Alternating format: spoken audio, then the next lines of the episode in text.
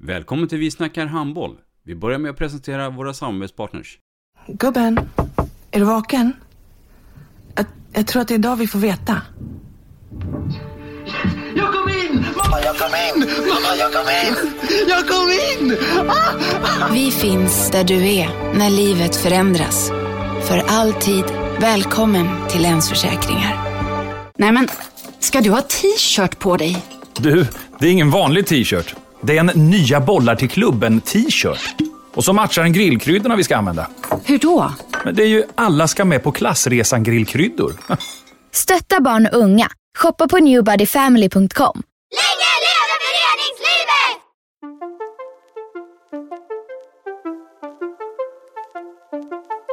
Välkommen säger vi till dig som lyssnar till den nya handbollspodden Vi snackar handboll med Robban Z och Matte. Vi snackar handboll, där du får veta alla sanningar som du inte visste att du missat. Vi snackar handboll. Idag i programmet Vi snackar handboll, Matte, förutom att vi är här i IFÖ Arena på ungdoms-SM, så har vi fått fint främmande. Vi har ju fått en chef. Ja, det stämmer. Eh, en, che- en nu chef som eh, är chef eh, på landslagssidan idag och har tidigare varit chef eh, i eh, Sävehof och själv haft en framgångsrik spelarkarriär i både nationellt och utomlands. Eh, haft lite skador på vägen och eh, eh, men också varit, eh, tagit en hel del SM-guld här hemma i Sverige. Så varmt välkommen Hanna Fogelström. Tusen tack, tack så mycket. Hanna Victoria Fogelström, född 8 november 1990. Vem är det? Låt oss nu ta det från början. Ja, var ska man börja tänkte jag säga då. Du har fri agenda. Fri agenda. Jo men det, jag är född i Göteborg på Östra sjukhuset, eh, uppvuxen i Partille. Så att eh, det var väldigt naturligt för mig att börja spela handboll. Inte bara för att jag bodde i Partille men också att min pappa spelade handboll. Så att det var nog en väldigt enkel väg för honom också att eh, säga, ska du inte testa på här? Det är en hall ganska nära. Så jag minns min första träning i Öjersjö eh, idrottshall. Då var vi fyra spelare och tre ledare på första träningen. Så det var där det började, handbollskarriären. Och en av ledarna var pappa då, eller? Jajamän. Ja.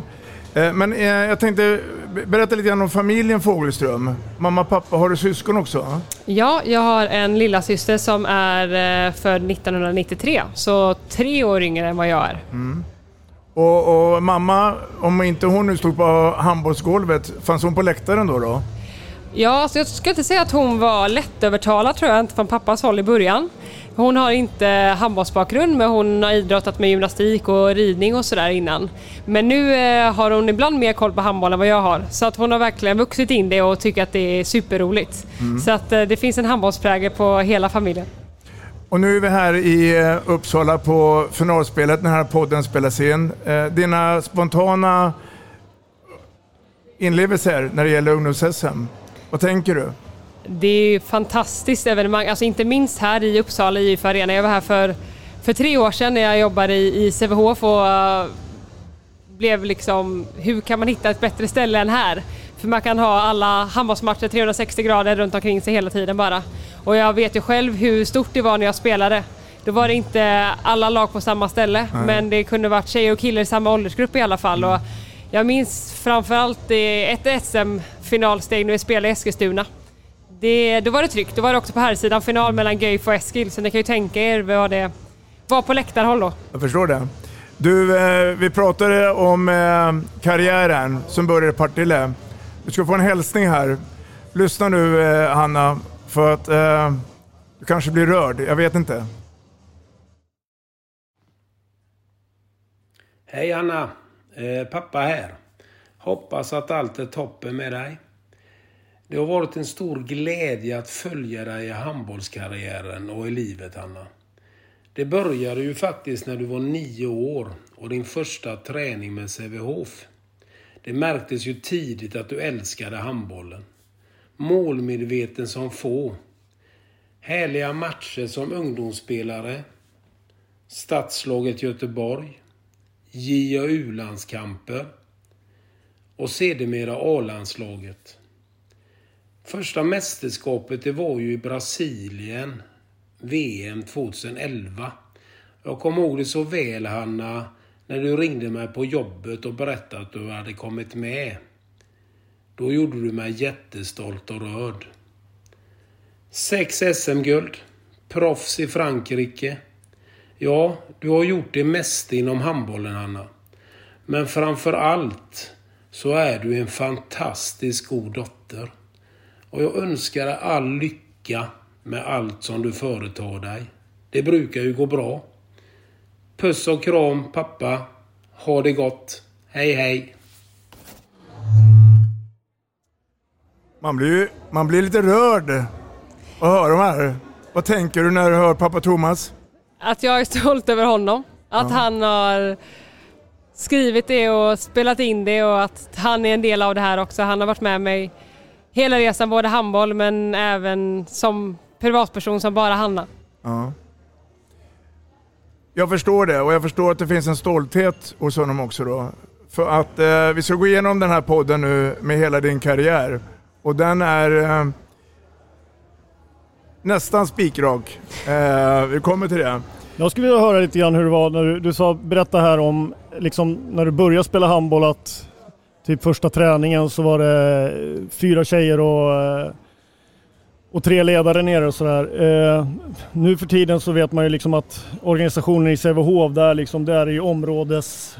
Liksom här, där är det nästan så att vi har haft en del gäster förut från Sävehof som liksom där hela klasser har börjat spela handboll och, och sådär. Hur, hur var det på din tid? Hur rekryterades det på den tiden? Jo men vi var ju fyra som jag sa det och det var mycket för att Öjersjö var en ganska ny stadsdel i Partille kommun då. Så just i det området var det en ny etablering kan man säga som Sävehof började rekrytera i. Så det hade redan startat grupper på andra ställen i Partille som var då ja, kallades Partille och även Vallhamra. Så vi var väl egentligen sist ut i det. Så att under resans gång under ungdomsåren så blev vi fler och fler och 90 är en, en stor kull från, från Partille och Sävehof. Men just i det området så var det nytt på den tiden och jag, jag vill minnas att det var via skolan, även om pappa såklart hade koll på det där, så vill jag ändå minnas att det var genom skolan som jag fick upp ögonen och försökte också rekrytera några tjejer i, i min klass då, och några hakar på. Eh, några längre och några lite kortare. Den här årgången 1990 i Sävehof, var den... Alltså, var, fanns det gott om spelare eller var det begränsat? Vi var väldigt många. Alltså jag sa precis det att när vi började så var vi få i våran grupp men jag vet att vi var liksom två olika träningsgrupper, vi var massa olika lag. Det var... När vi slog ihop med 89 när vi var ungdom så tror jag vi var upp mot 100 personer eh, på pappret. Eh, och så båda de kullarna var ju enormt stora. Du, eh, när, ni, när ni sen började bilda lag, hur, hur var det då? Från att lämna den här handbollsskolaverksamheten till att sen bli lag och, och, och tävlingarna. Hur, hur, hur var Hanna då? Jag tror att jag alltid har varit, men som pappa sa, målinriktad även om man inte visste att man var det just då och haft väldigt höga krav på mig själv. Tror jag, inte bara som handbollsspelare men, som, men genom hela livet och har det fortfarande. Eh, och det var utmanande såklart. Så Jag satte en ribbstol en gång när jag var målvakt och matchen pågick för att jag var missnöjd med min egen prestation liksom. Och det har både varit tårar men framförallt mycket glädje och väldigt mycket känslor eh, på handbollsplanen vilket jag har trivts väldigt bra med. Men konkurrens tror jag är, och jag vill tro att jag tyckte det då också, att det är sunt.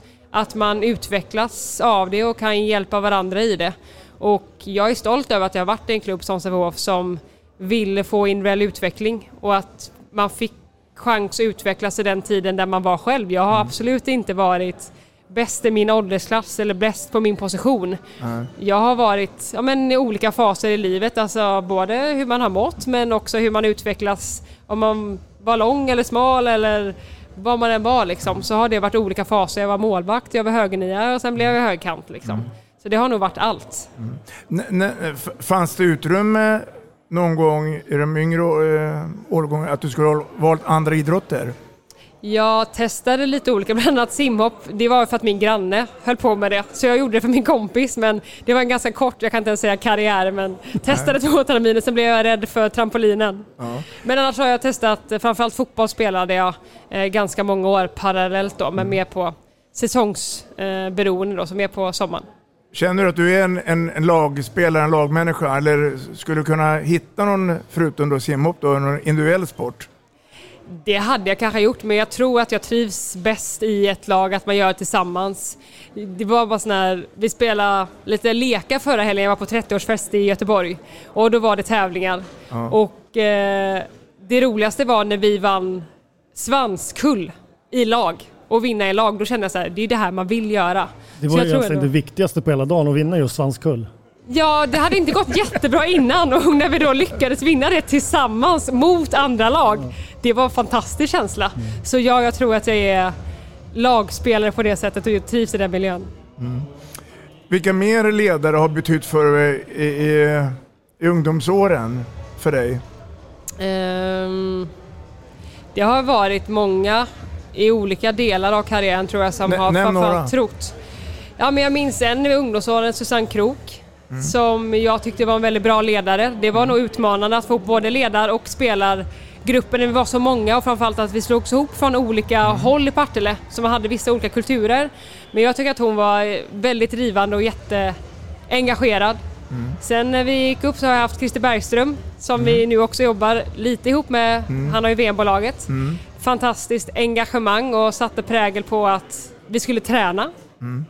Sen såklart landslagskarriären så har ju var det Per Johansson som var den som trodde på mig och gjorde så att jag syntes och kom med där VM i Brasilien 2011. Så det har, tror jag, satt mycket...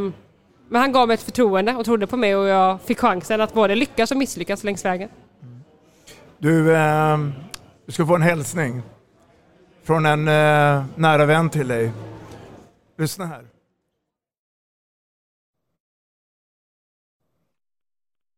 Hej Hanna! Eller eh, känns mer rätt att säga hej fågel. Eh, Angela här. Eh, tränare kan man säga, eller jag var mer runt ditt lag i juniorerna. Eh, KB headhuntade mig inom citationstecken, eller lyckades lura med mig med eh, det säljande ordet eh, kom och häng med ett gäng högpresterande tjejer. Och eh, det var ni. Sjukt bra. Jag tror det var 2007, 28. Jag tror det var flickor, men var nog i en stor grupp med juniorer. Eh, härligt gäng tjejer. Stor trupp, många viljor, sjukt starka individer. Men då tänkte jag så här, vem var Hanna då? Vem är Hanna? Eh, kanske den som eh, var mest ambitiös. Väldigt sällan fel. Koll på allting. Och jag tänkte att nu ska jag ändå komma på något här lite smaskigt, lite något roligt att säga. Så jag får liksom tänka efter det på frågan. Några tjejer så här. Men eh, det, det är mest spännande för att Hanna är en sjukt redig tjej. Så duktig, bra, vill inte ha fel. Eh, det enda jag kom fram till var att hon vann en tävling i Lundaspelen. Eh, Polhemsskolan, det var väl det som eh, kanske var det roligaste. Men då var du nog betydligt yngre. Eh, min resa med Hanna fortsatte ju sen. Hon kom ju tillbaka till Sävehof efter att ha varit i eh, Frankrike. Några skador som satte stopp där och Eh, kommer tillbaka till Sävehof och blir dammanager. Lite akademiansvarig också. Och då var det min tur att sitta och ha anställningsintervju med Hanna när hon skulle rekrytera tränare till ungdomslagen. Eh, vi gjorde också en härlig resa till Kroatien där eh, Hanna åkte ner som huvudansvarig. Eh, det jag vill skicka med eller ställa frågan till eh, Hanna är ju att eh, hon och Jamina under framförallt våra ungdoms-SM-matcher eh, inledde antingen matchen eller andra halvlek med något som blev deras signum. Vad var det, Hanna? Ja du Hanna, vem var det där då? Ja, det var Angela Sundgren. Ja, jajamensan. Berätta lite om henne. Ja, men hon berättade ju ganska mycket om resan egentligen. Från att jag hade henne som tränare till att jag var ansvarig för, för akademin. Och precis strax innan jag satte mig här på bordet så sprang jag på henne i korridoren och hälsade med en varm kram. Så att eh, hon har ett fantastiskt engagemang till, till sporten och har varit tränare under väldigt, väldigt många år. Den här frågan på slutet då, andra halvlek. Ja. Jo, det vet jag exakt vad hon menar. Vi gjorde alltid en japan. Så jag fick ett kanterspel. Eh, Jamina var oftast vänsternia men ibland mittnia. Och så en härlig luftpass till henne då så gjorde hon mål. Så att eh, det fick vi alltid till i slutet. Sen trodde jag hon skulle säga massa andra saker vad det gäller mig och Jamina, att vi hade massa rutiner och sådär men det kan vi ta en annan gång. Du, du får ju gärna avslöja om du vill. Nej, det är inte så hemligt men det som många har, har ju rutiner inför en match. Och vi hade, förutom att vi skulle passa på ett visst sätt och sådär, så hade vi alltid örhängen på oss. Eh, och då hade vi alltid det under hela uppvärmningen. Sen precis innan vi skulle spela matchen, då tog vi av oss dem. Det var x antal gånger folk sa ni har örhängen på er. Ja, det vet vi. Vi ska, vi ska snart ta av det. Det satt inte i dem, men det var lite rolig anekdot ändå att ta med sig hit. Följde du det med långt upp i, i åren eller? Eller var det även när ni var damspelare att ni värmde upp med örhängen? Och... Ja, vi hade det även både i Sävehofs damlag och uh, något eller några år i landslaget också. Mm. Det är kladdigt med klistret om du ska ta bort dem där sen då. Nej, jag, har inte så mycket, jag hade inte så mycket klister. Jag var den som hade minst klister tror jag av, av alla i laget. Jag tog sällan eget och tyckte det räckte det som var på bollen. Ja, du tog det som blev över. Ja, säga. ja, exakt. Eh, Den här Sävehof-resan har ju varit framgångsrik. För att eh, efter de här ungdomsåren så blir vi ju då seniorer. Berätta för oss den här omställningen då när du lämnade A-ungdom, junior och upp till seniorverksamheten. Hur gick den till? Jag fick känna lite på det under tiden jag var i junioråldern och jag minns, då var Blomman som var huvudtränare i Sävehof och då fick jag bara bli uppkallad till en träning. Och då minns jag väldigt, väldigt väl att det var så här, vem ska jag passa med? Vem tillhör mig liksom? Men då vet jag Frida Toveby, Ja. hon kom fram till mig och sa Hanna vill du passa med mig? Och då släppte verkligen så nervositeten och, och var så okej, jag kan vara här, det är okej, jag är accepterad i gruppen. Så det minns jag väldigt väl. Sen tror jag inte jag gjorde så många mål på kantskotten men Nej. Blomman trodde också på mig och sen fick jag göra debut i elitserien som det var då mot Skånela borta. ja. Och då fick jag göra ett mål på straff. Nervös då förstås. Ja, det var Ja, jag. ja. Absolut. Sen dröjde det lite till, om det var ett eller två år innan jag Gjorde fick ett. A-lagskontrakt. Ja, exakt. innan jag fick ett A-lagskontrakt. Men jag gjorde en liten session där det var något inhopp för de hade skador säkert. Och då pratar vi högerkantspelare. Ja. Ja. Och där har du varit bosatt. Jajamän. Mm. Sex SM-guld. Det är många det Matte. Ja, och Eh, det som...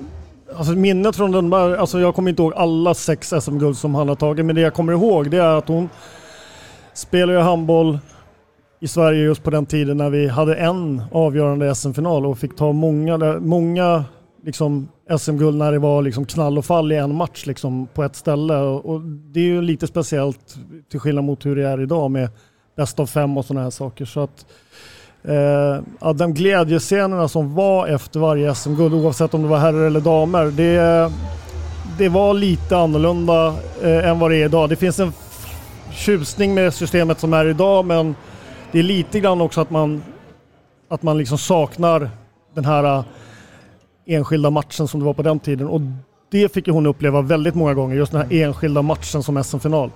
Ja, Det var så roligt, Mm. nervöst, coolt och alla liksom känslor fanns ju i den där arenan.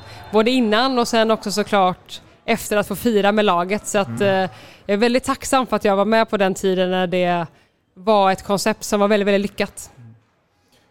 Ska vi gå tillbaka till det tycker du? För idag är det ju så att idag avgörs ju bäst av fem finalerna. Eller, ehm, hur, hur, hur tänker du här? Även om det inte är din fråga kanske i förbundet. Men vad, vad, vad, vad tycker du? Ska, är det mer rättvist att det är så att det avgörs på fem och, och man spelar på sin hemmaplan? Jag tror att det finns flera parametrar som är avgörande till varför det ändrades. och vad som finns för och nackdelar, dels sportsligt. Eh, jag tänker att det spelar inte så stor roll, jag tycker inte att det spelar så stor roll sportsligt. Är det förutsättningar som ges, jag menar en EM-final är det en match och så utser du det bästa laget under den matchen. Det är inte bäst av tre eller bäst av fem. Så sportsligt så tycker inte jag att det ska spela roll, alla lag vet förutsättningarna. Men jag tror att det är viktigt att konceptet håller också kommersiellt. Eh, för det ska vara en manifestation för handbollen och det ska vara attraktivt för sponsorer, det ska vara attraktivt för publiken. Och om inte det konceptet går ihop eller om man känner att det är urvattnat, som jag ändå upplevde att, att det blev till slut, då är inte det den handbollsfestivalen som vi vill ha. Då kanske är det bäst att ha ett annat koncept och sen så får man väl revidera om det ska tillbaka eller om det blir någon form av Final Four i ATG Svenska Cupen istället. Eh, Så att jag har förståelse för deras beslut men jag är samtidigt också väldigt tacksam att jag fick uppleva en match som, som spelare för att det var fantastisk eh, inramning. Om vi, om vi går tillbaka lite grann Hanna, till eh, de här ungdomsåren och jag tänker när du då spelade ICA-cupen eller eh, vad nu det heter så, säga, då, eh, så var ju även Sverigecupen inräknad där. Mm. Hur, hur, hur var Göteborgs årgång 1990? Där ska jag säga att det var ju Kärra som var 1990s årgång. Det var frustrerande många gånger Ja. som Sävehof-spelare då. Och man förstod, kan inte vi också få göra kombinationer för de var jätteduktiga handbollsspelare och jätteduktiga på att få ihop laget och just kombinationer. Men våra tränare var hela tiden såhär, nej, vi ska utveckla oss individuellt och ska vi lära oss saker. Någon gång så kommer ni bli bättre än dem. Mm. Det trodde man inte på då, men jag är tacksam att jag litade på dem idag. Men i just Göteborgs stadslag så var vi en bra generation. Och jag var inte med från början, sen var det någon som skadade sig så jag åkte med till Sverigecupen som en av tre högerkanter. Så att jag kommer inte ihåg jättemycket från det men mer att det var en härlig också inramning att man kunde spela med stadslag mot andra stadslag som man inte hade mött på det sättet tidigare. Nej. För då, då, då ska man helt plötsligt vara tillsammans eh, i samma lag och man, annars är det konkurrenter. Jag tänker då rivalerna lagen emellan. Minns du hur det gick då i Sverigecupen? Det gick inte så bra i Sverigecupen tror jag inte. Vi Nej. tog inte medalj i alla fall, det gick bättre på juniorelitcupen. Eh, något år senare. Senare, ja. Men jag vet inte vad vi kom för placering men vi var inte jättebra tror jag inte. Nej. Det, det tar vi inte upp i det här programmet i alla fall. Då. Vi är överens i alla fall att det inte gick så bra. Absolut, Ja. det är det. Men eh, sen då, eh, efter Sverigecupen, blev det någon form av riksläger då? Jag var inte uttagen till första rikslägret utan jag och Jamina som vi pratade om tidigare vi gick via en regional träningsdag i Lidköping Ja. där Niklas Harris var instruktör Ja. och efter det så kom vi med på riks 2 och sen var vi med 3 och 4 också. Ja. Och då hamnade du sen med i ungdomslandslaget. Ja, det gjorde jag. Berätta lite om den resan. Det var ju också från att inte bli uttagen till Riks var med på den resan från början och de hade åkt iväg på något, jag vet inte om det var mästerskap eller träningsmatcher i alla fall. Sen vet jag att jag var med i European Open som första turnering då med landslaget. Och det var ju, jag tyckte hela tiden och än idag att det är väldigt coolt och stolt att få representera mitt land. Samtidigt som är det nervöst. Där är ännu en nivå av att vara med spelare som är de bästa i Sverige. Eh, och hur presterar man det? Hur ska vi bete oss? Hur uppför vi oss? Vad förväntas av mig? Vad förväntas av de andra? Men eh, tacksam för den erfarenheten och den resan för att det är också så här kulturupplevelser. Även om jag reste mycket i Sävehof som har ett jättefint koncept med att resa och se andra saker än vår egen handbollshall. Mm. Så var det en upplevelse. Vilka ledare hade du på den tiden? Jag hade olika ledare. Men sista året som förbundskapten så var det Åsa Mogensen och Anna Rapp och sen också vi bytte förbundskapten däremellan för Åsa fick barn också så Mm. Jessica Enström var med i slutet på U-landslagstiden. Ska vi se om vi får en eh, hälsning till till här. Eh, jag tror faktiskt det. Trevligt. Hej Hanna! Anna Rapp här. Hoppas allt är bra med dig och att eh, Robban och hans kumpaner har grillat dig lagom mycket. Jag kommer ihåg dina ledaregenskaper från U-landslaget och jag är inte ett dugg förvånad, eh, ja men såklart glad, eh, över att du har tagit plats som eh, landslagsansvarig. Jag tycker det är jättekul att se både dig och Johanna Wiberg bland eh, alla män. Och eh, jag gissar att ni har en plan för att bli ännu fler tjejer i framtiden. Ha det fint och lycka till med alla mästerskap i sommar. Eh, vi kanske ses i Slovenien eller Makedonien eller i någon annan hall framöver. Ha det fint, hej hej!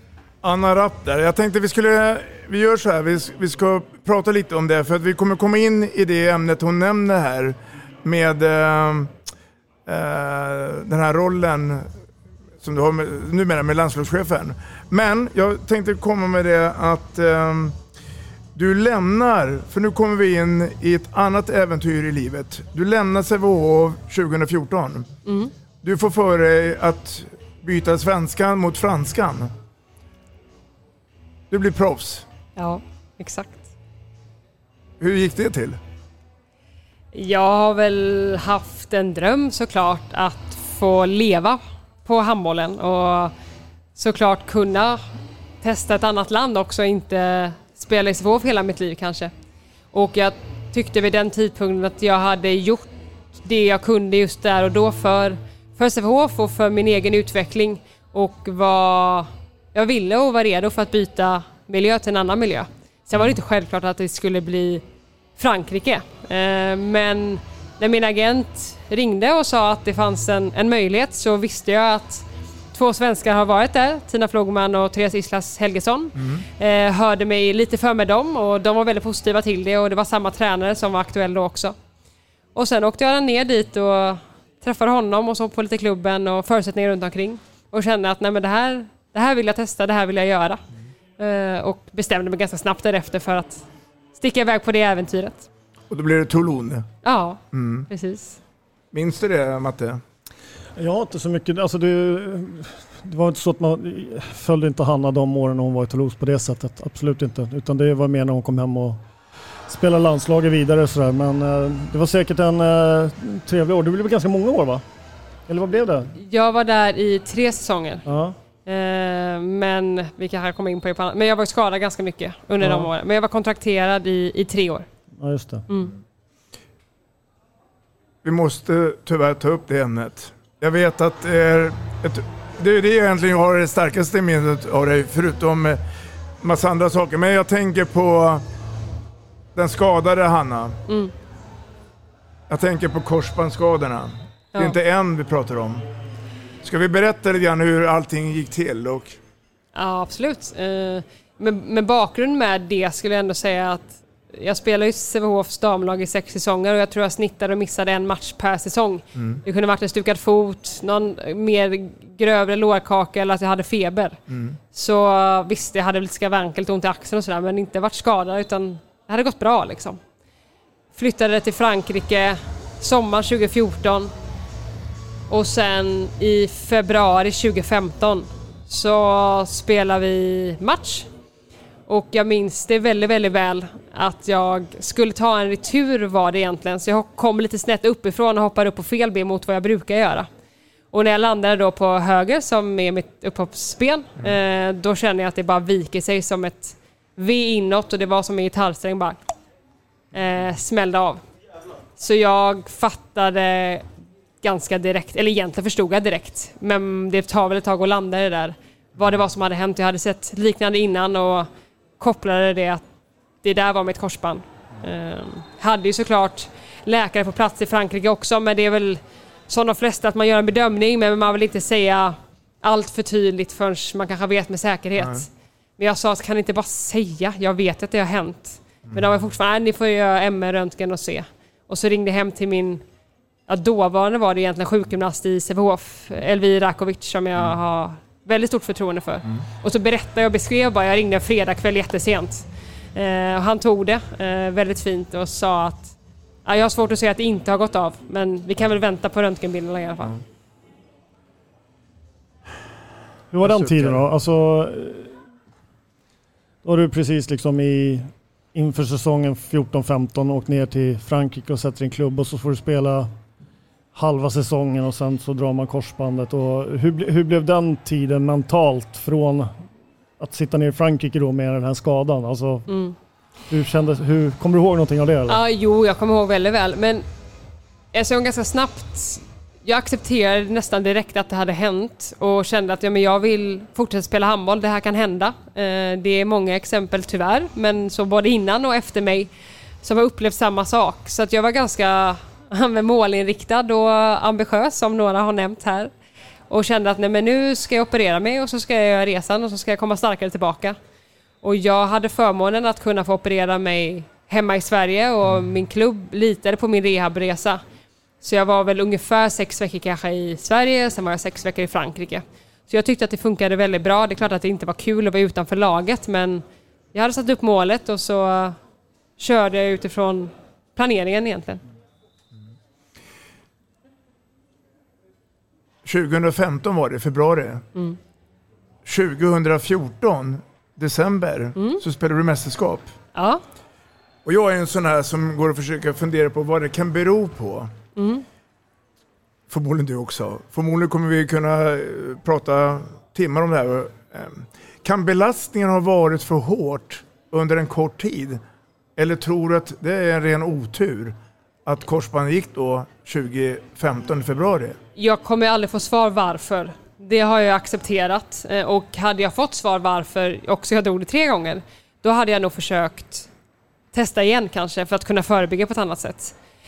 Men jag tror att omställningen från att spela i en miljö i Sävehof där vi hade väldigt hög konkurrens och där man spelade i regel 50 procent av tiden på matcherna och sen kanske det trattades fram på prestation i slutspelet till att flytta till Frankrike. Det är en ny miljö, det är en ny kultur, det är mycket man ska liksom både mentalt och fysiskt vänja sig till.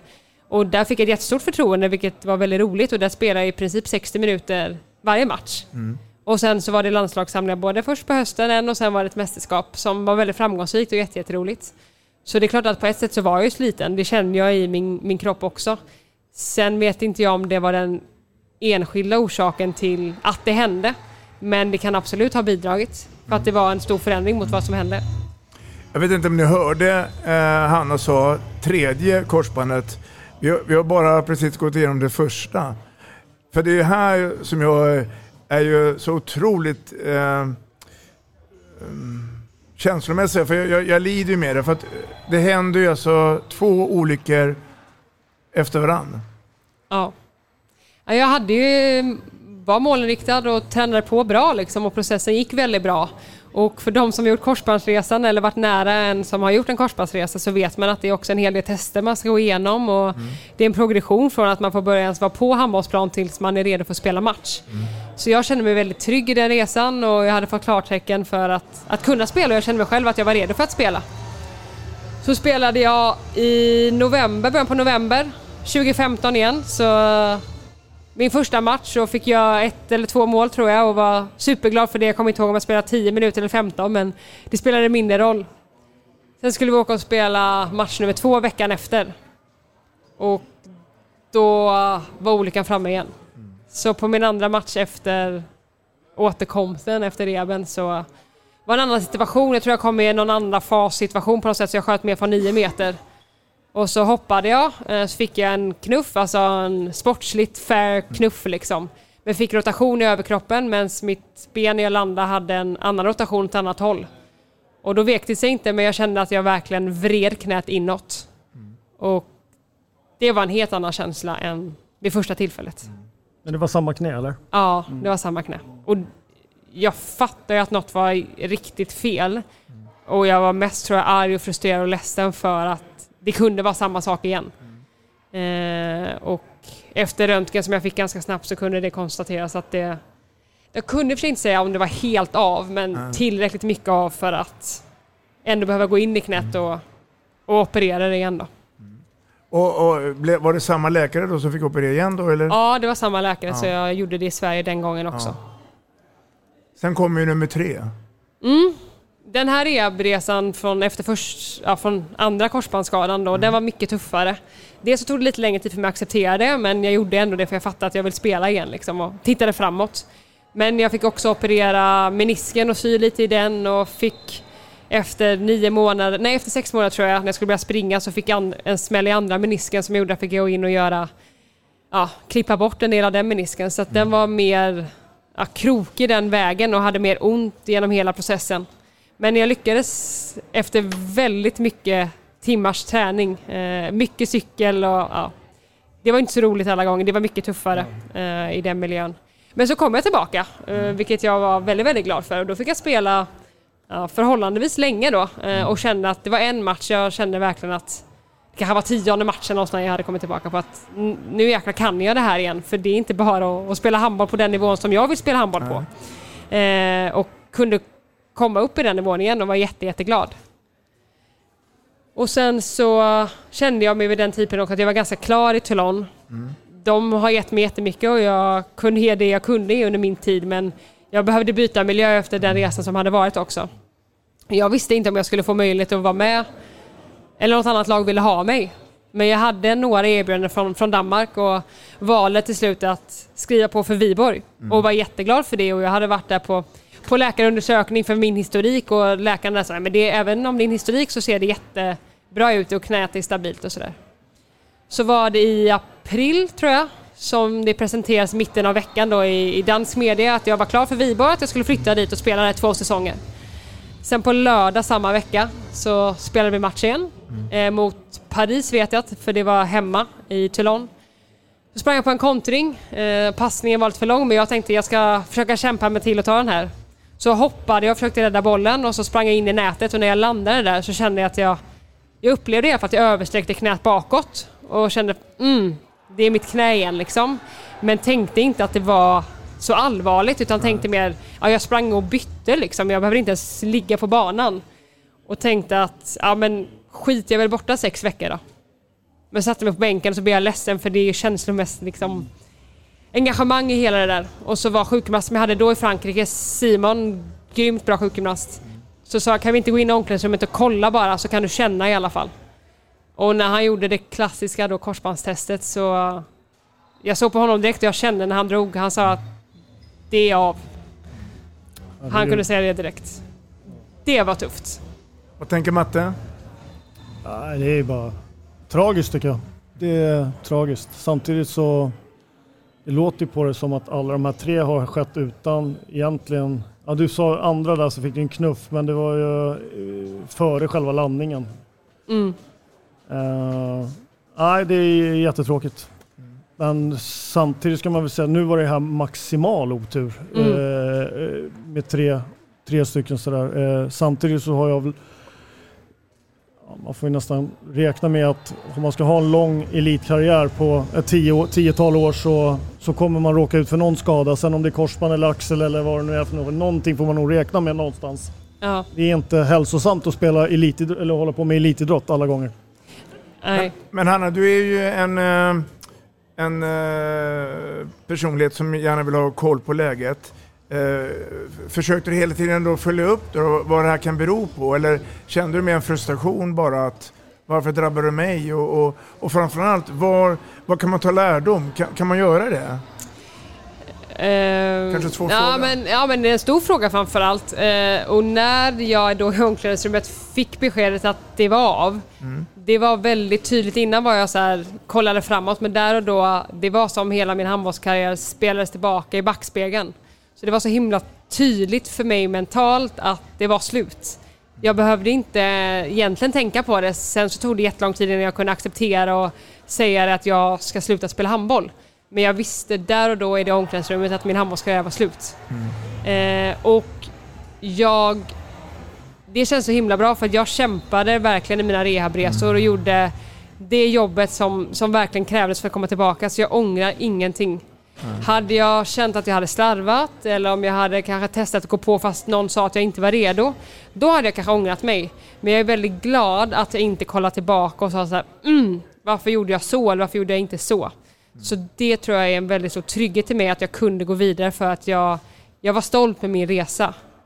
Och kunde inte ångra det på något sätt. Hur, jag har en fråga där. Efter tredje korsbandsskador du sett liksom och så, äh, nu är det slut. Hur var det rent mentalt att genomföra den sista rehaben då när man visste att man inte skulle tillbaka till handbollsplanen? Äh, det var inte kul alls. Eh, det var så himla mycket i det där att jag hade levt som Hanna handbollsspelare så himla många år och var inte redo för att sluta. Jag ville få ut mycket, mycket mer av min handbollskarriär för det var det jag älskade då och det jag älskar idag liksom. Men jag flyttade hem eh, igen och kom in i Sävehof liksom och sa jag vill bara ha någon samhörighet liksom. Sen blev det inte mer, så mycket med laget, det blev mer administrativ tjänst men jag krigade varje gång jag skulle gå till, till sjukgymnasten eller skulle gå upp till gymmet men jag visste att jag vill ändå kunna ha ett normalt aktivt liv. Så gör jag det inte nu så kommer jag få, få, få problem. Så som andra sa, så jag har ändå haft en ambition hela tiden. Sen låg de på olika nivåer men den resan var längre och tuffare hela vägen. Men jag satte upp ett, ett mål. Jag tror att det är viktigt att ha mål för att orka driva framåt oavsett vad det är det handlar om. Men mitt mål var att jag skulle kunna skjuta ett kantskott igen då. Och det kunde jag göra. Och kunde vara med och spela ett försvarsspel och sen kände jag hit, men jag vill inte springa och spela handboll. Och då kände jag mig nöjd för då kunde jag uppnå mitt mål och kunde gå vidare liksom, även om det var tufft. Kunde göra bokslut helt enkelt. Ja, men jag tror att det, det var så alltså. Och sen när man började våga säga det högt också. Att nu har jag slutat, det blir inget mer liksom. Hur, hur mår kroppen idag då? Några år senare? Eh, så länge jag kör benspark på gymmet skulle jag säga, Ja. så mår knät bra. Eh, jag kan inte gå ut och springa milen direkt. Eh, under pandemin så försökte jag springa lite mer men knät sa ifrån ganska snabbt. Så jag kan hålla mig fysiskt aktiv, sen är jag begränsad på att göra kontaktsport men som alla andra så kan jag spela paddel och det är jag jätteglad för. Jag spelar beachvolleyboll gjorde jag också för att kunna mer komma från gymmet när jag rehabade sista perioden och att kunna göra fysiska saker för det älskar jag. Så det funkar. Det är bra. Det är rätt. Spelande karriären fick ju då ett tråkigt slut. När, när, om vi ska bara runda av landslagskarriären så blev det ju en framgång då 2014 med det här bronset. Ja. Ska vi eh, kort bara berätta den tiden med, med landslaget då? Din roll och vad har du för starka minnen? Ja, men först och främst var det som jag nämnde innan Per som, som trodde på mig till VM 2011. Det minns jag väldigt, väldigt väl det telefonsamtalet och den upplevelsen. Det är klart jag var där för att jag var ung och lovande men också för att han såg att jag hade någonting för att vara på den nivån då. Och sen så var jag med på alla mästerskap efter det, både EM och EM gång två blev det ju då eh, och ett OS. Så jag fick uppleva väldigt mycket under den ändå korta landslagskarriären. Och ja, det är klart att jag gick från en roll att vara ny till att vara mer etablerad och min styrka låg ju framförallt i försvarsspelet. Eh, och jag tror också att tränare jag kanske inte har den spetsshow-kompetensen som alltid kanske syns i tv-rutan men de vet vad de får av mig liksom, eh, mer eller mindre. Eh, sen så kunde jag leverera framåt också men jag tror framförallt att jag var, var stabil och bidrog till, till laget. Du, ehm, funderar du någon gång under den tiden att ja, men jag kanske ska satsa och bli tränare istället? Nej, det gjorde jag Efter- inte. Nej. Nej. Vad hände sen då efter den spelande karriären? Var, var hamnade vi någonstans då i livet? Jag flyttade hem eh, till Partille där mina föräldrar fortfarande bor. De är separerade men eh, vi umgås allihopa också i perioder så att det funkar bra. Så jag bodde hemma ett litet tag. Jag vände mig till Sävehof för det var det som var min trygghet. Och som jag sa innan var det egentligen för att typ kunna få köra rehab med laget. Inte för att jag skulle spela utan bara få köra rehab. Men då fanns det en öppning. Det var Anders Eliasson som var sportchef då och som gav mig det förtroendet att jobba i kansliet med diverse olika administrationsroller då. Så då fick jag komma hem och skaffa mig ett eget boende och, och fick jobb eh, i Sävehof. Och det var jag väldigt glad för. Det var ett, en miljö som jag kände till och trivdes med.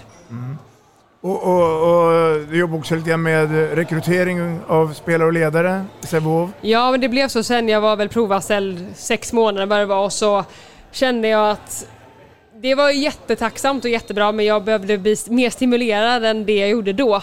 Så jag var ganska tydlig till Stefan Albrektsson som var min chef då, för då hade Anders slutat, att jag vill jättegärna vara kvar men och jag fattar att inte ni har en annan roll till mig att göra eller ge mig. Men jag tror att jag behöver börja plugga eller söka mig till ett annat jobb för att jag vill framförallt börja plugga eh, för att kunna leva och lära mig andra saker i livet än handboll. Allmänt då- nyfiken. Ja men absolut, jag kände att nu vill jag starta en ny karriär liksom. Men då fick jag förfrågan som jag absolut inte trodde om jag skulle bli ansvarig för akademin och eh, teammanager för, för damlaget då. Eh, och det, efter lite betänketid såklart, sa jag ja till. Så då var det mer ansvarsroll och rekrytering av både ledare och, och spelare i Sävehof då. Och under den tiden, om jag inte är helt ute i det blåa, så kommer även medieintresset in också i bilden. Ja, Ja. det stämmer. Låt höra. Jo men det var också, det var att jobba i Sävehof då och sen helt plötsligt från ingenstans så ringde telefonen. Nej, det var Daniel Vandor, eh, medieansvarig. Så var det som var när jag spelade, som fortfarande är kvar medieansvarig då i, i landslaget. Och han ringde mig och sa att det kanske är någon från TV som ringer dig, bara så att du vet. Jaha, vad innebär det då? Nej, men de vill ha någon expertkommentator till... Det var VM i Tyskland 2017 tror jag. Eh, och då frågar de, men svara och se vad de tycker liksom. Jag, ja, de har fått dina kontaktuppgifter. Så ringde de mig och frågade då. Det var två veckor innan mästerskapet skulle börja. Så det var också schysst. Sävehof som min arbetsgivare tyckte att det var okej att jag jobbade lite på distans då. Var, kanske var ledig några timmar eller kompade några timmar och sådär. Så då åkte jag till Stockholm till en studio och blev helt inkastad i. Jag kommer vid första mötet, de ska gå igenom körschemat. De som vet, de vet. De som inte vet, de kanske vet. lär sig någon gång i livet. Så var första rubriken så här, kebab. Va? Ja, det är väl som att vi kör en jugge eller check. Det är väl också liksom fackspråk. Och på den vägen var det, men det var ett fantastiskt team då på kanal 5 med bra programledare och bra personer runt omkring som vägledde mig eh, till att ändå kunna leverera det de förväntades leverera. Och jag vet att min första fråga var bland annat Vem pratar jag till? Och då sa hon, tänk typ att det är din mormor för det är det som är Mm. den publiken som kollar på landslaget. Mm. Så brett som möjligt. Och, och, ja, det där är ju en konst. Om man pratar då inför hela svenska folket eller om det är handbollsnördar. Ja, och det var ju min balansgång att jag förstod mitt uppdrag, att jag skulle, och framförallt för mig handlar det om att jag ville att fler folk än bara jag skulle älska handboll. Mm. Så då pratade jag till allmänheten, försökte vara tydlig, men jag ville också ha respekt av den handbollsnördiga personen. Mm. Så det var en hårfin balansgång. Ja, jag tycker hon var... Eh, min, eh, det jag kommer ihåg från den tiden så var hon väldigt duktig på det och, och framförallt så... Jag ser om man slår ihop allting så kan jag förstå varför hon är där hon är idag. Jag tycker att hon var ja, sakkunnig men ändå kunde måla bilder i, för, eh, för gemene man, inte bara för den nördiga.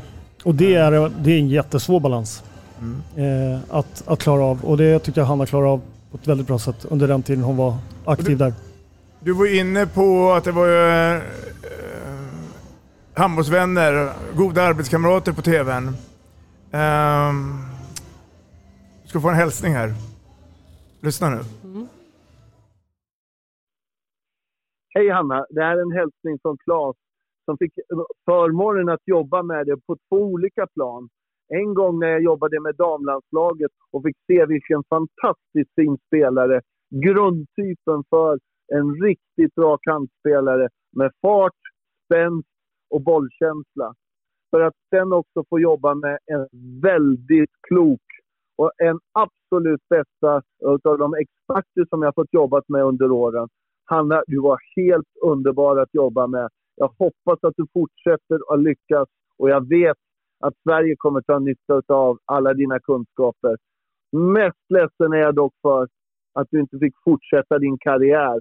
För det fanns ännu mer att ta ut av dig trots att du var en väldigt, väldigt duktig kampspelare. Claes Hellgren. Han är grym. Ja. Ja. Precis som du är. Tack. Men alla roliga sagor tar ju slut. Mm. Det kommer ju sen eh, något annat däremellan. Eller i Ja. vägen eller vad man ska säga.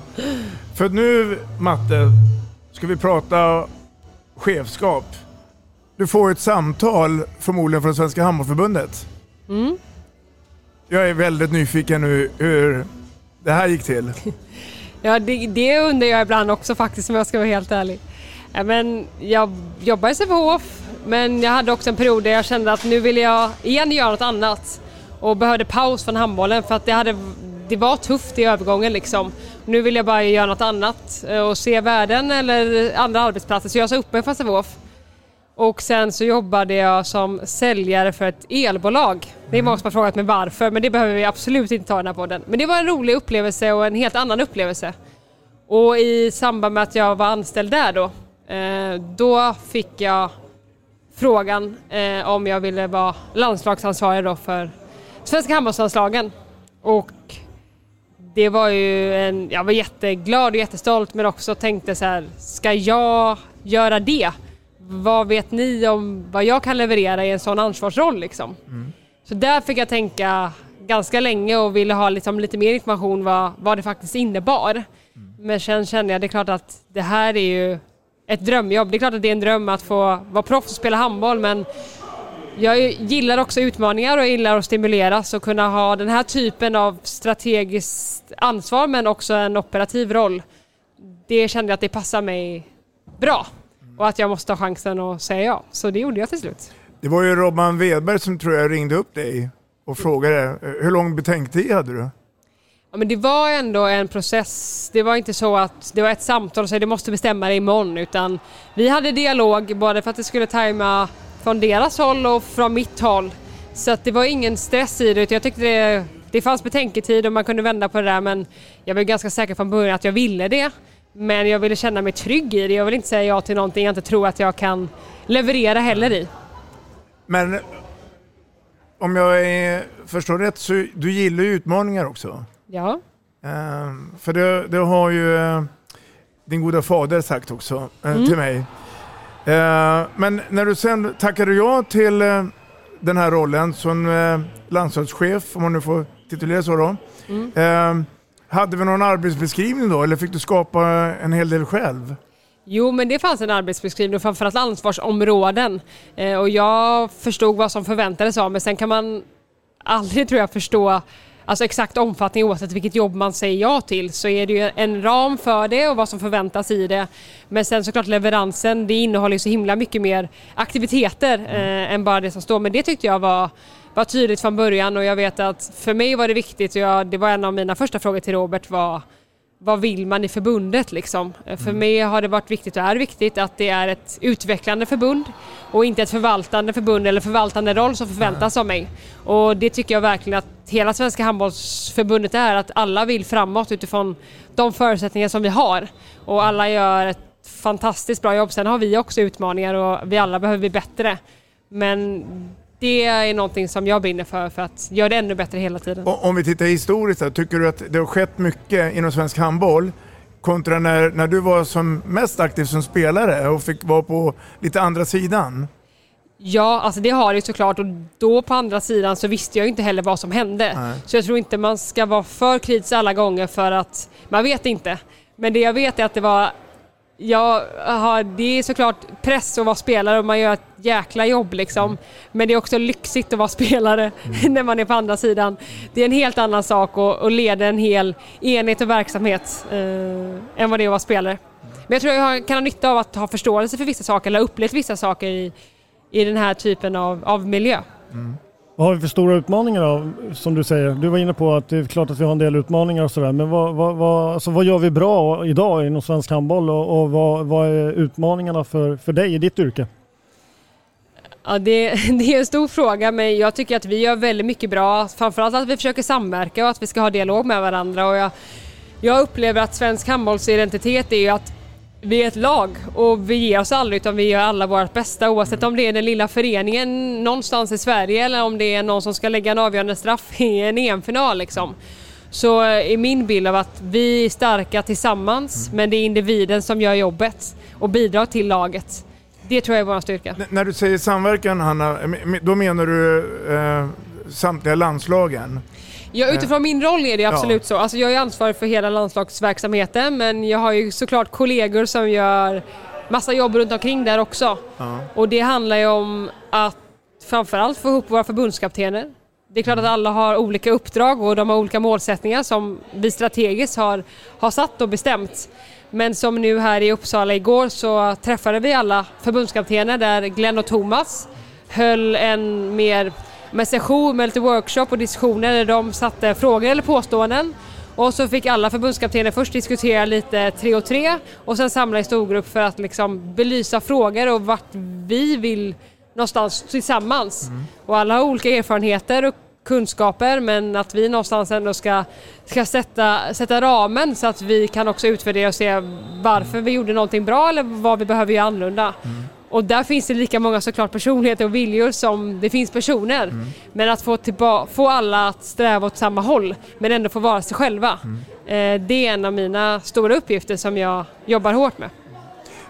Att, att vara förbundskapten idag är ju det är komplext, det är, det är brett. Det är inte bara vi ska gå igenom övergångsspel, rundgång det, men man ska hantera media, eh, sponsorer och sådana saker.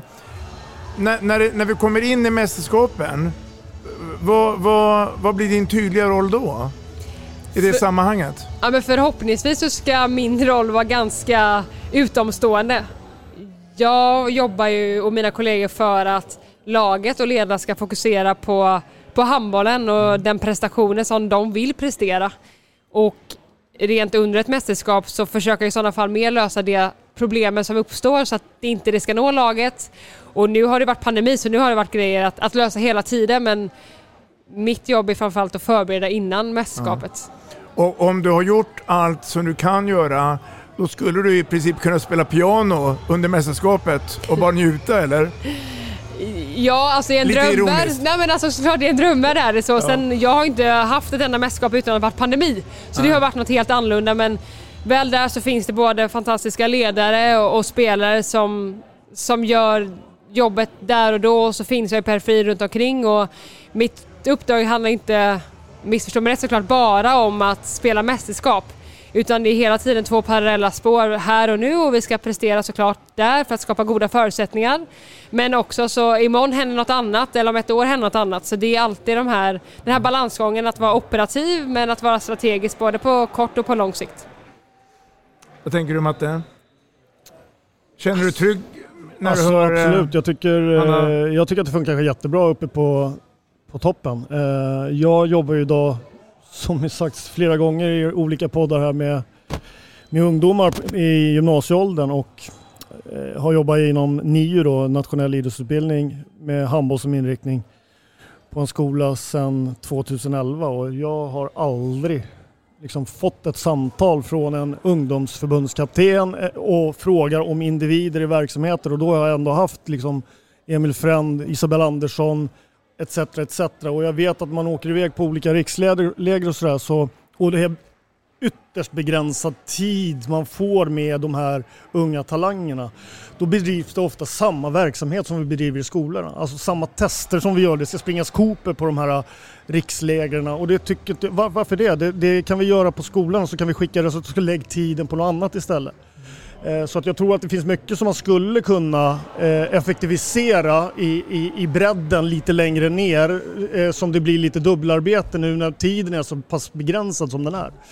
Ja, men jag håller helt, eller jag håller med dig i den, den sätten att se på det och jag tycker att först och främst så ska man få liksom koll på den enheten man jobbar i men för att vi ska kunna vara bra över tid så måste vi samverka med dels med, med gymnasierna men också med våra tränarutbildningar för att liksom vi ska försöka driva åt samma håll. Sen har vi olika, alltså det är spelarna som äger sin egen utveckling. Sen finns det olika utvecklingsmiljöer den personen är i.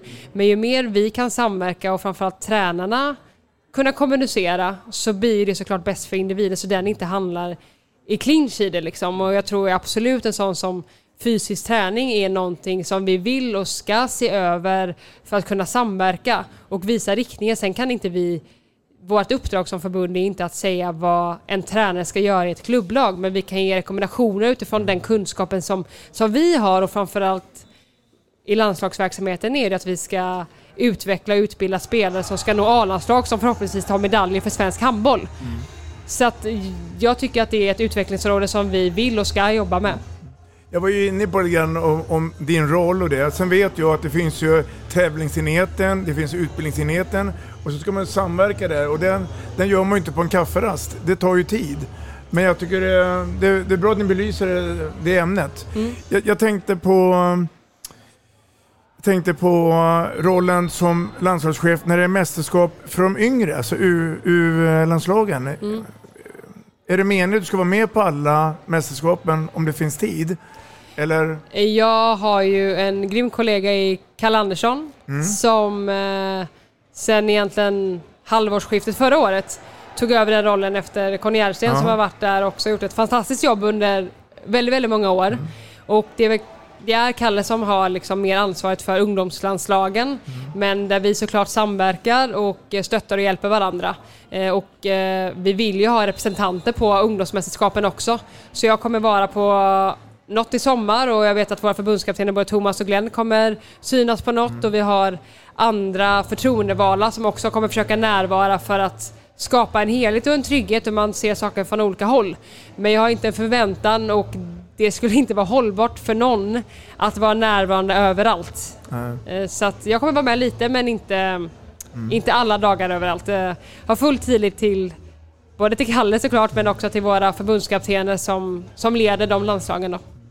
Personligen så tycker jag i alla fall att det är jättebra att man är ute och med så att spelarna blir sedda i olika sammanhang. Sen är det olika roller man har, men jag tror att det, precis som du är inne på, han är att, att jobbar man som ett team och man finns överallt eller mycket där så är det väldigt, väldigt eh, bra för framtiden. Det tycker jag är en stor skillnad idag med svensk handboll och för kanske 10-15 år sedan. Jag tycker också att det är viktigt att man kanske själv ser till att man inte blir oumbärlig. Att man liksom att man är fler som jobbar med och har en dialog och kommunicerar kring, kring den breda verksamheten framför allt. Eh, så tror jag är viktigt. Jag tror att det skulle vara en svaghet om Hanna skulle sitta som ensam och åka runt bland alla mästerskap. Jag tror att det är bättre att vi involverar flera kompetenta människor och, och samarbetar. Ja men det är klart att individerna gör jobbet Ja. men samtidigt så vill vi ju att vi ska ha en struktur i vår verksamhet som gör att den ska vara personoberoende även om det är per- personer som bidrar till resultatet. Så det är väl också någonting som, som jag jobbar för, för att, för att skapa det och sen så kommer det alltid revideras och utvecklas för omvärlden ändras också. Men, men självklart så, så tror jag på det att vi är flera personer som ska göra det för att det ska vara hållbart men vi ska visa riktningen i det också. Och stött, stötta varandra tror jag är jätteviktigt. Apropå mästerskap och eh, Svenska handbollslandslaget AB, Stefan Löfgren, han och sina kollegor sprutar ju idéer med att arrangera eller skapa arrangemang när det gäller mästerskap i Sverige. Nu går det undan och nu blir det ju närmast VM på hemmaplan. Ja, stämmer. Eh, och sen har vi då damernas EM nere i Europa. I och för före, om vi börjar med damerna. Mm. Ja, jag var i Slovenien förra veckan på lottning då när gruppspelet eh, som då EM kommer gå av stapeln i november. Det är någon annan stor fotbollsturnering, jag vet inte vad som händer i december men i november, då händer det grejer. Så då blir det att vi blir lottade att spela gruppspelet i, i Celje i Slovenien och sen förhoppningsvis då huvudrunda och finalhelg också i Slovenien men i Ljubljana då. Så det blir tufft motstånd. Och, och då kommer min eh, följdfråga. När tror du att vi kan få ett VM-guld på damsidan i seniorsammanhang? Ja, tidigast går det ju nästa vinter då. För nu är det EM och VM 2023. Ehm, Det hade ju varit fantastiskt roligt att få vara med under den tiden när ja, men herrarna nu senast både har tagit VM-silver och EM-guld och att damerna återigen jag vill inte vara den som senast tog en medalj för svensk damhandboll. Vi tog bronset i EM 2014. Eh, Men när det sker det är omöjligt att säga. Men vi jobbar ju hårt för att bli ett etablerat lag som alltid konkurrerar om semifinalplatserna. Men Matte, vi kan ju säga att svensk damhandboll internationellt är ju nära nu att Eh. få medalj. Och, eh, för att, eh, det har ju varit några mästerskap där vi är inte långt borta. Ja, Eller absolut, absolut. Vi är på gång väg och vi är en, eh, idag en utmanare till att gå riktigt, riktigt långt. Det är fortfarande det finns några länder, Norge, Frankrike, som om man, om man möts tio gånger så kommer inte Sverige vin- vinna fler, fler matcher mot de där lagen. Utan däremot så är vi, kan vi slå dem i enstaka matcher. Eh, jag tror idag utifrån bredden på toppen på damsidan så tror jag att Sverige har nog idag eh, större chans att gå väldigt långt i ett VM där det kanske finns någon lite enklare match här och där. Eh, där man kan spara lite material. Men i, i EM där varje match är stentufft och där Sverige kanske inte har råd på samma sätt att vila sig till längre fram i turneringen så tror jag faktiskt att det, det är större chans just nu per da- dags datum att man går långt, i, riktigt, riktigt långt i ett VM-slutspel än ett EM-slutspel. Sen tror jag på sikt att vi kan vara att vi är på rätt väg och att vi i framtiden kan bli en riktig utmanare på absoluta toppen. Vad säger du Hanna? Det hoppas jag såklart också och jag tycker Thomas och Johanna som leder landslaget eh, gör det och de har haft en, en inriktning hela tiden att de vill vara bra här och nu men de vill också vara bra över tid liksom. Att det finns en tanke hela tiden, inte bara nästa landskamp eller nästa mästerskap utan de vill ju att svensk damlandslagshandboll ska vara bra över tid. Och det jobbar de hårt med och jag tror att mycket av nycklarna är att jobba mellan samlingarna. Eh, Thomas är ju heltidsanställd och Glenn är heltidsanställd och det finns 50 samlingsdagar på ett år varav 30 av de dagarna är under ett mästerskap där det handlar bara om prestation. Men utvecklingen sker ju i klubblagsmiljöerna.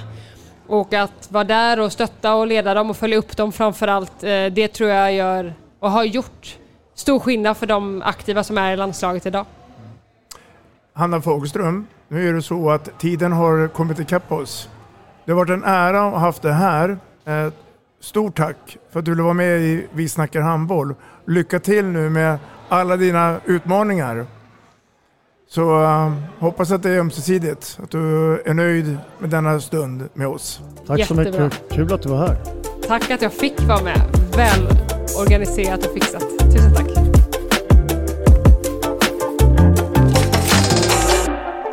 Vi snackar handboll, där du får veta alla sanningar som du inte visste att du missat. Vi snackar handboll. Vi snackar handboll produceras av produktionsbolaget High On Experience, från vision till passion. Ett avslutande tack till våra samarbetspartners. Hallå! Kommer ni eller? Ja, ja. Har du sett mina ankelsockar? De här? Nej, nej, jag menar skridskoslip till juniorlaget Ankelsockarna. Ja, men kolla bredvid träningsläger med handbollstjejerna-t-shirtarna. Stötta barn och unga. Shoppa på newbodyfamily.com. Länge! Gubben, är du vaken? Jag, jag tror att det är idag vi får veta. Jag kom in! Mamma, jag kom in! Mamma, jag kom in! Jag kom in! Ah! Vi finns där du är när livet förändras. För alltid välkommen till Länsförsäkringar.